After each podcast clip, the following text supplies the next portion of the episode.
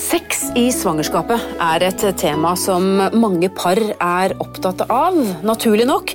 Er det trygt? Hva når hun ikke orker, eller han synes det er litt skummelt med tanke på at det er et lite menneske der inne?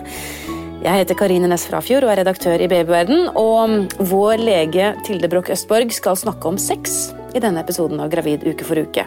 Og nå har vi altså kommet fram til uke 16. Senere skal jordmor Anette Heggen Mikkelsen fortelle mer om magen din, hvordan eh, magestørrelsen måles, og hva dette SF-målet egentlig er for noe. Men altså, fosteret 16 uker gravid. Tilde, hvordan ser det ut nå? Nei, Det fortsetter stadig å vokse. Nå er det ca. 135 gram og 16 cm fra hode til tå. Eh, og så snakket vi jo litt om dette med fostervann i forrige episode. At mm. fosteret puster fostervann. Men uh, hvor kommer fostervannene fra? Jo, det er rett og slett fosterets uh, urin. Altså, er det det? Ja. Så det dannes Fosteret får blod inn via navlesnoren. Og så sirkulerer det i kroppen, og fosteret begynner å danne urin. Og så skilles det ut og svelges ned og sirkuleres på den måten. Akkurat. Jeg sitter og ser på et bilde i appen vår, eh, 'Gravid og barn'. Der kan man jo følge utviklingen uke for uke og se fantastiske tegninger av babyen eh, etter hvert som den eh, utvikler seg. Og på bildet 16 uker så ser vi veldig tydelig denne navlesnoren. Eh, veldig fin, krummet. Eh, hva er, vi skjønner jo at det er næring det er snakk om, og den er jo veldig viktig. Eh, men kan du si litt mer om forbindelsen til mor gjennom denne navlesnoren? Hvor viktig er den egentlig? Nei, den er helt livsnødvendig, uten tvil.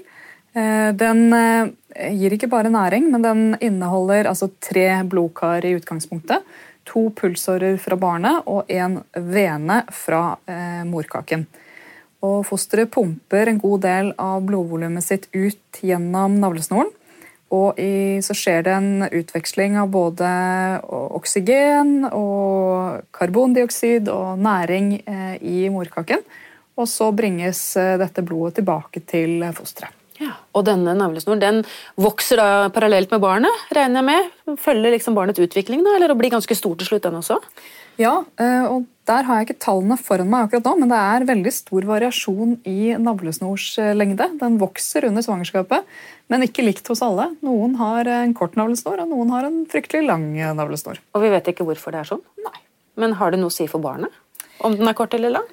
Ja, eh, vi vet at veldig veldig lang navlesnor er forbundet med navlesnorsproblematikk, altså knuter og sånn på navlesnor. Ja. Eh, men det er veldig vanskelig å vite hvor lang den er før eh, etterpå. Akkurat. Så det er ikke noe man måler og sjekker at oi, her er det en lang navlesnor, her må vi være litt obs? Nei, det er ikke det. Og navlesnorsproblematikk er sjelden i svangerskapet. Det vi ser etter på ultralyd, er hvor navlesnoren er festet i morkaken. Det sjekker vi. Ja, for det er ikke på samme sted, det heller? Nei, det er heller ikke nødvendigvis på samme sted. Normalt sett så skal navlesnoren være festet midt i morkaken. Men den kan også være festet eh, ut mot kantene eller helt ut i hinnene. Og da følger vi litt ekstra med. Har det noe med tilgangen på næring å gjøre, da, eller? Eh, hvis man har en eh, navlesnor som sitter veldig langt, altså festet veldig langt ute, så er nok blodgjennomstrømningene i morkaken noe dårligere.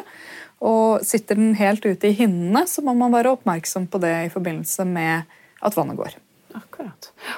Men du, vi skulle jo snakke om det mm, spennende temaet sex i denne ja. episoden. Og jeg regner jo med at du eh, kanskje får noen spørsmål om det, men samtidig så, så, er vel dette noe som er vanskelig å spørre en lege om også, dette med sex i svangerskapet. Jeg tror jeg får altfor få spørsmål om det. Jeg vil veldig gjerne ha mer spørsmål ja, så da om det. tenker jeg, Kan vi ikke nå snakke om de spørsmålene du gjerne vil ha, eh, som, som du tenker at det tør ingen å spørre om? Absolutt. Eh, jeg tror at Det vanligste spørsmålet jeg får, er om det er trygt. Eh, og Da er det jo gjerne fordi de har vært innom med en eller annen form for komplikasjon, så da er man ofte i en annen sammenheng. Men i utgangspunktet er det trygt å ha sex i svangerskapet. Helt til uh, siste stund? Helt til siste stund. Ja. Men det er klart at uh, seksuallyst og hva man har behov for, uh, kan endre seg veldig i svangerskapet for begge parter. Så her er det kjempeviktig å ha god kommunikasjon om hva man har behov for, og hvordan man kan eh, ha det fint sammen. Noen kvinner har en veldig redusert eh, seksuallyst i deler av svangerskapet. Eh, eller en veldig økt eh, seksuallyst i deler av svangerskapet. Og det å da som par eh, forvalte seksualiteten på en måte som er god for begge parter, er både bra der og da, men kan også være viktig i forhold til eh, sex i etterkant av svangerskapet. Mm. Ok, men, men, andre ting, da? Hva, altså, du sier at det, alt, er, alt, er, trygt. Alt kan gjøres sånn som før, hvis man orker det, vel å merke. Ja, altså Innenfor rimelighetens. Altså, hvis du henger mye opp ned fra lysekronen, så kanskje er det ikke det du eh, driver mest med i svangerskapet, men, eh, men i utgangspunktet så er all vanlig seksuell atferd helt trygt. Ja, og så har vi jo, Nå er vi jo egentlig fortsatt bare uke, uke 16, men vi har jo hørt For, for å få fortgang på fødselen, så er det mange som anbefaler at man skal ha mye sex, for det skal ha en slags stimulerende effekt.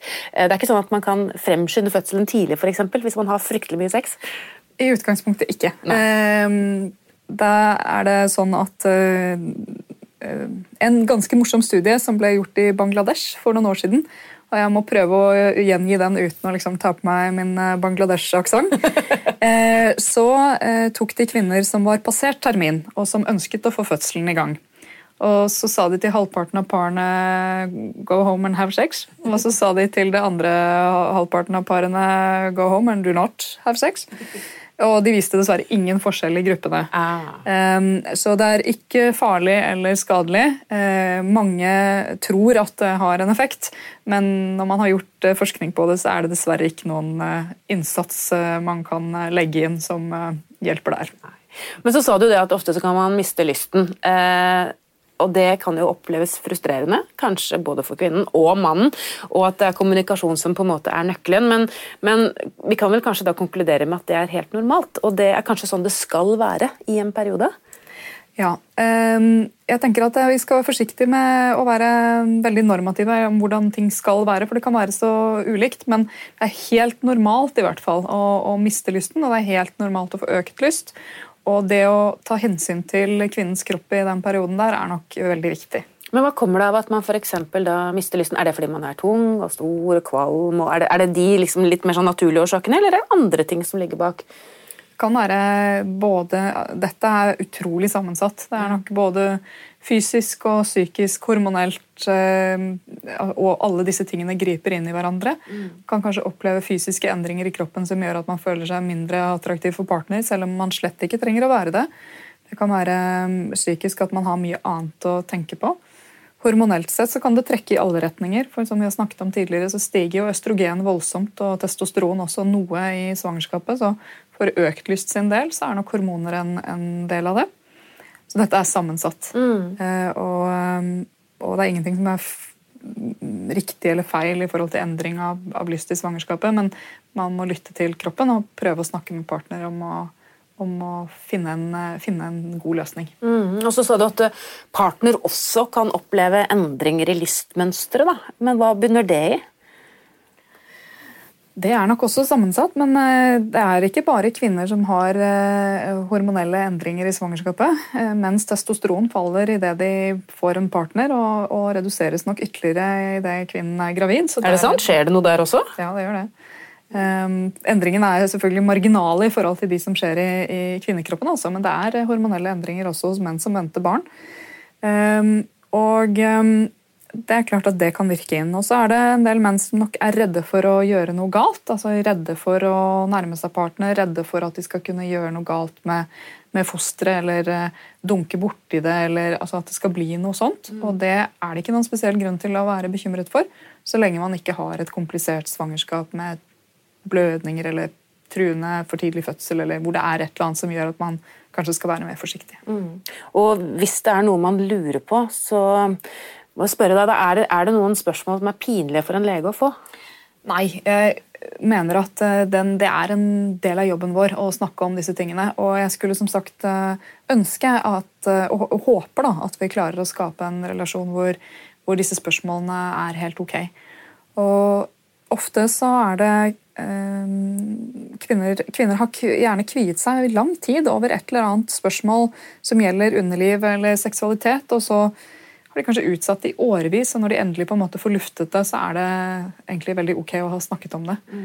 Og det er veldig få ting vi ikke har hørt før, eller vært borti før. ok, Så konklusjonen er da at eh, det er trygt, ja. Og hvis det er noe spesielt man lurer på, så, så bør man rett og slett uh, spørre legen sin, og ikke minst snakke sammen åpent med, med partneren sin. Veldig fin oppsummering. Ja, men Det var godt. Takk skal du ha, eh, Tilde Bråk eh, Østborg. Da har, vi, mm, da har, vi, på en måte fått konkludert rundt det med sex, i hvert fall så langt i denne podkastserien. Kan godt hende at vi kommer tilbake til temaet mot slutten, for da er det kanskje litt andre ting. Da er man, selv om det fortsatt er trygt å ha sex, så er man kanskje litt stor og tung. Vi får se. Nå Etter pausen så skal vi snakke med jordmor Anette Heggen Mikkelsen om denne magen, hvordan man måler magestørrelsen, og ikke minst hva et SF-mål egentlig er for noe.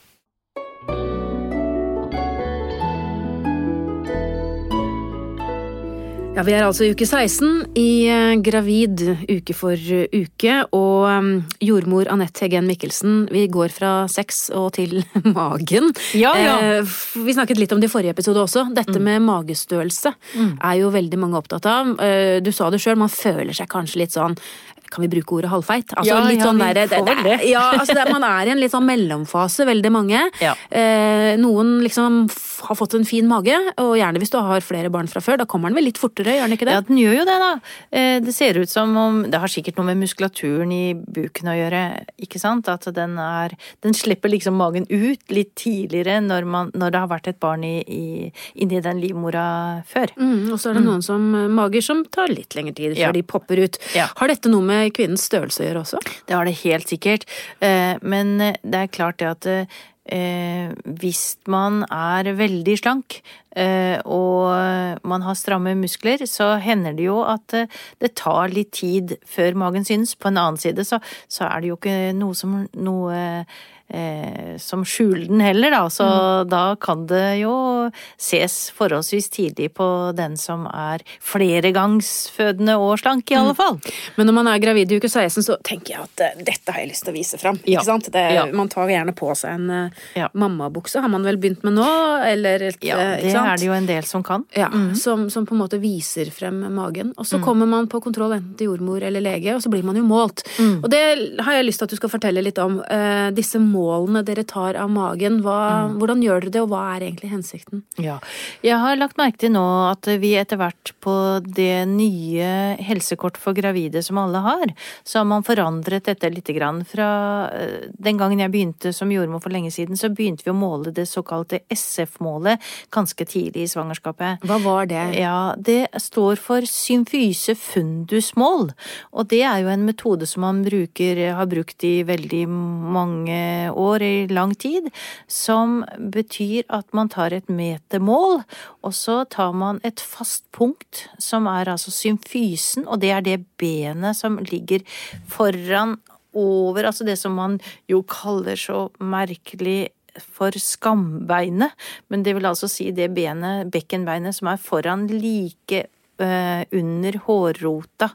Eh, på eh, Foran på kvinnen. Ja. Eh, og det er altså da symf, Symfysen er det ene faste punktet, og så tar man metermålet og måler til topp toppen på fundus, som er toppen av livmora.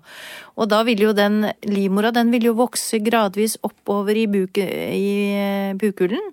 Og da vil man altså se hvordan det vokser centimeter for centimeter etter hvert som graviditeten skrider frem.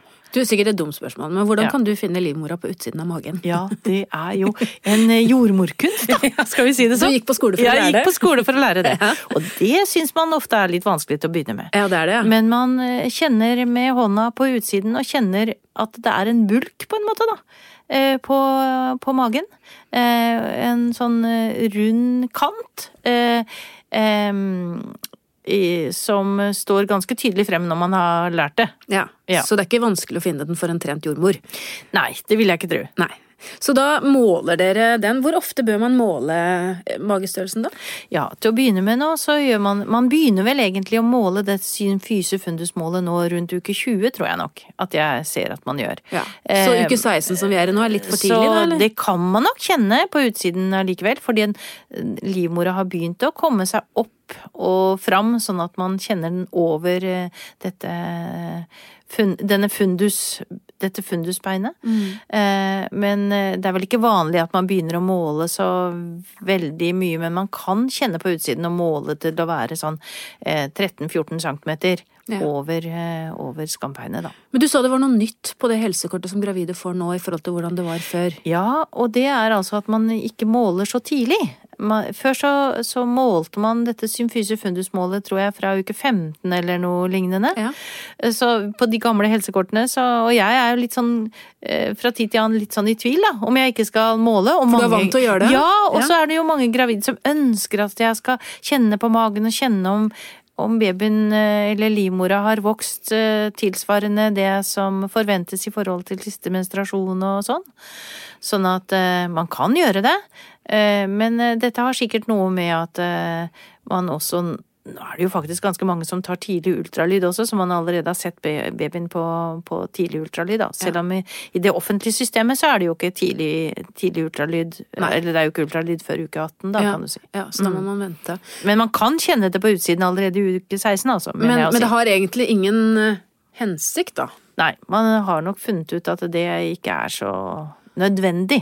Men magen, eh, magen skal jo vokse. Ja. Eh, Men det er kanskje viktigst når man kommer senere ut i svangerskapet, at man følger utviklingen. Absolutt. Ja. Ja. For da handler det jo om hvor, hvordan barnet vokser, og hvor stor fordi magen blir. dette er jo et system som man har funnet ut er veldig hensiktsmessig i forhold til å si, se om barnet vokser tilstrekkelig. eh, Og om allting går riktig for seg. At barnet Man har jo en sånn kurve på dette helsekort for gravide som heter SF-kurven. Mm. Og da ser man jo om barnet ligger på normalkurve eller over eller under, ikke sant. Og det viktigste i denne sammenhengen, og det er viktig å huske, det er at barnet følger sin egen kurve. Noen barn er jo små, og da vil disse SF-målene ligge forholdsvis langt nede på, på normalskalaen, mens andre er større og vil ligge over. Men poenget er at det- skal ikke komme noen sånn veldig store utslag i forhold, i forhold til at det plutselig blir veldig høye mål i forhold til det det har vært, eller kanskje enda verre, at det plutselig går veldig nedover. Ja. Eh, Og da skjønner jeg jo at det er viktig å ha dette helsekortet, eh, Ja. sånn at man kan følge utviklingen. Men det er jo interessant det dokumentet, for det er jo noe alle gravide får. Mm. Kan du fortelle litt om hva som måles, og hva som på en måte føres inn på det kortet? Mm. Ja, altså det helsekort for gravide har man jo hatt i, veldig mange år, og man har jo lurt i lange tider på om man skulle få det til å bli et eh, eh, digitalt og så sånn, men enn så lenge så har vi ikke fått til det. Sånn at eh, alle gravide er altså da utstyrt med et lite eller et papir eh, som heter Helsekort for gravide, og der fører man altså en del viktige opplysninger fra måned til måned og hver 14. dag på slutten av svangerskapet. Og da går det på at man eh, skriver ned hvilken uke kvinnen er i, hvilken vekt hun har eh, da, hvilket hva hun får eh, eller har av blodtrykk, hvordan urinprøven er, eh, om hun tar medisiner Altså alle de der vitale opplysninger som betyr noe for fremgang i svangerskapet. Og en av parameterne i det helsekortet for gravide er dette såkalt SF-målet, som er altså da en en kurve, kan man si, som viser barnets vekst og utvikling. Akkurat. Og, og dette kortet skal man ha med seg da, sant? på hver Ja, kontroll? og det er jo viktig, da. Ja, ja. ja. At, at eh, det er jo det kortet som mm, bekrefter eller, eller viser at man er, er Eller at man har gjort de riktige vurderingene i riktig svangerskapsuke. For det kortet følger deg helt fram til fødsel. Ja, det med på og du fødeavdelingen tar det med på fødeavdelingen. Ja, og det, det er veldig lurt å ha det i veska, og ha det med seg overalt. fordi at hvis det skulle skje situasjoner hvis man er ute på reise eller er et annet sted enn i, akkurat i nærheten av jordmora si, så er det jo sånn at har man det helsekortet for gravide med seg, så vil jo enhver helseperson kunne se å gjøre seg opp et status da, i forhold til dette helsekort for gravide, og se hvilken Om man er i noen risikosone, eller om man har hatt et normalt svangerskap til noe sånt. Så det, helsekort for gravide er veldig viktig at det, og da har jeg lyst til å si, oppbevarer ok, altså ha det gjerne i en mappe. Fordi at der er vi litt forskjellige. Noen kvinner har liksom denne helsekort for gravide sammenbretta i åtte Altså, det er veldig sånn crunch ja. på helsekortet. Noen, har, noen, noen finner i ja, bånn av veska, mens, mens andre ja. har veldig orden og har en hel mappe på det. Så er det kanskje mellomtingen som er greit nok, men, men altså det der med å ha, ha, det helsekortet, ha orden på det helsekortet, pluss disse papirene som går på hvilken blodtype man er, og altså blodprøvekortet og ultralydskjema og sånn, ha orden på det, det er veldig viktig. Ja. Det, det, forstår jeg jo, mm. uh, egentlig. Mm. Bare lyst til å spørre om en ting til i forhold til de undersøkelsene som man tar når man kommer på, på jordmorkontroll. For det er jo mange som, som, også, selv om du opplever at mange kommer tidlig, så er det mange som venter litt, kanskje til man har kommet til uke 15-16 med, med, å komme til kontroll. Ja, da, og, det er... og det er også greit. Ja, det er absolutt helt ok. Uh, hvis man er frisk og fin, men, men, bare hva man kan forvente. For i forhold til det å ta blodtrykk mm. uh, og det å ta urinprøve, det er vel også noe man gjør på hver Veldig kontroll? Veldig lurt, og det pleier jeg å si til kvinnene at eh, samtidig som du da må ha med deg helsekort for gravide hver gang, så må du ha med deg eh, urinprøve. Og det sjekker man jo da for forskjellige symptomer på sykdommer. Altså urinprøven sjekker man hver gang. Svangerskapsdiabetes, for eksempel. Ja, for eksempel. Mm. Eller infeksjoner, altså urinveisinfeksjon og sånn kan man se om det er blod i urin og litt forskjellige ting. Ja. Mm. Og blodtrykket, hvorfor tar dere det? Blodtrykket er eh, veldig viktig å ta i forhold til å utelukke at det er i ferd med å utvikle seg noe som heter eh, eh, preklamsi. Det høres veldig eh, ja, det er jo latin, så klart, ja, ja. men det er jo det som man på folkemunne kaller svangerskapsforgiftning. Um, ja. Og det er altså en alvorlig sykdom som man kan få, som ikke så veldig mange får, men som man kan få i svangerskapet, som kan få litt uh, ja, til, hvis det er ubehandla, eh, som man ser veldig sjelden her i Norge, altså vi kniper som oftest det problemet tidlig, mm. eh, så kan det medføre store problemer for mor og barn. Ja. 5% tror jeg har, uh, får det årlig ja. i Norge. Vi laget en egen episode på Babyverdens mm. podkast om det også. Så hvis mm. du lurer på mer om svangerskapsforgiftning, som ikke er en forgiftning, men en morkakesykdom, mm. så kan du lytte på, på, den episoden. Takk for eh, oppklarende gode råd, Anette Heggen Mikkelsen, nok en gang. I neste episode, når vi har kommet fram til uke 17, så skal du og jeg snakke om pupper. Det blir spennende. Og um, legen vår Tilde hun skal snakke om dette med å kjenne liv i magen for, for aller første gang. Og så vil jeg jo um, minne deg om Babyverden, da. Nettsiden vår. Der finner du masse gode, troverdige artikler om alt som skjer i svangerskapet og med babyen din etter fødsel. Og hvis du lurer på noe fra andre foreldre, så har vi også et ganske så levende diskusjonsforum kompetanseforum, hvor du kan få gode råd fra andre i samme situasjon. Helt siden 1964 har vi gitt ut Spedbarnsboken, som alle får gratis på sykehuset etter at du har født. Hvis du vil ha boken før du føder, så kan du bestille den via babyverden.no eller appen vår Gravid og barn. Vi gir også ut fødselsboken digitalt. Den kan medlemmer i Babyverden laste ned fra min side helt gratis.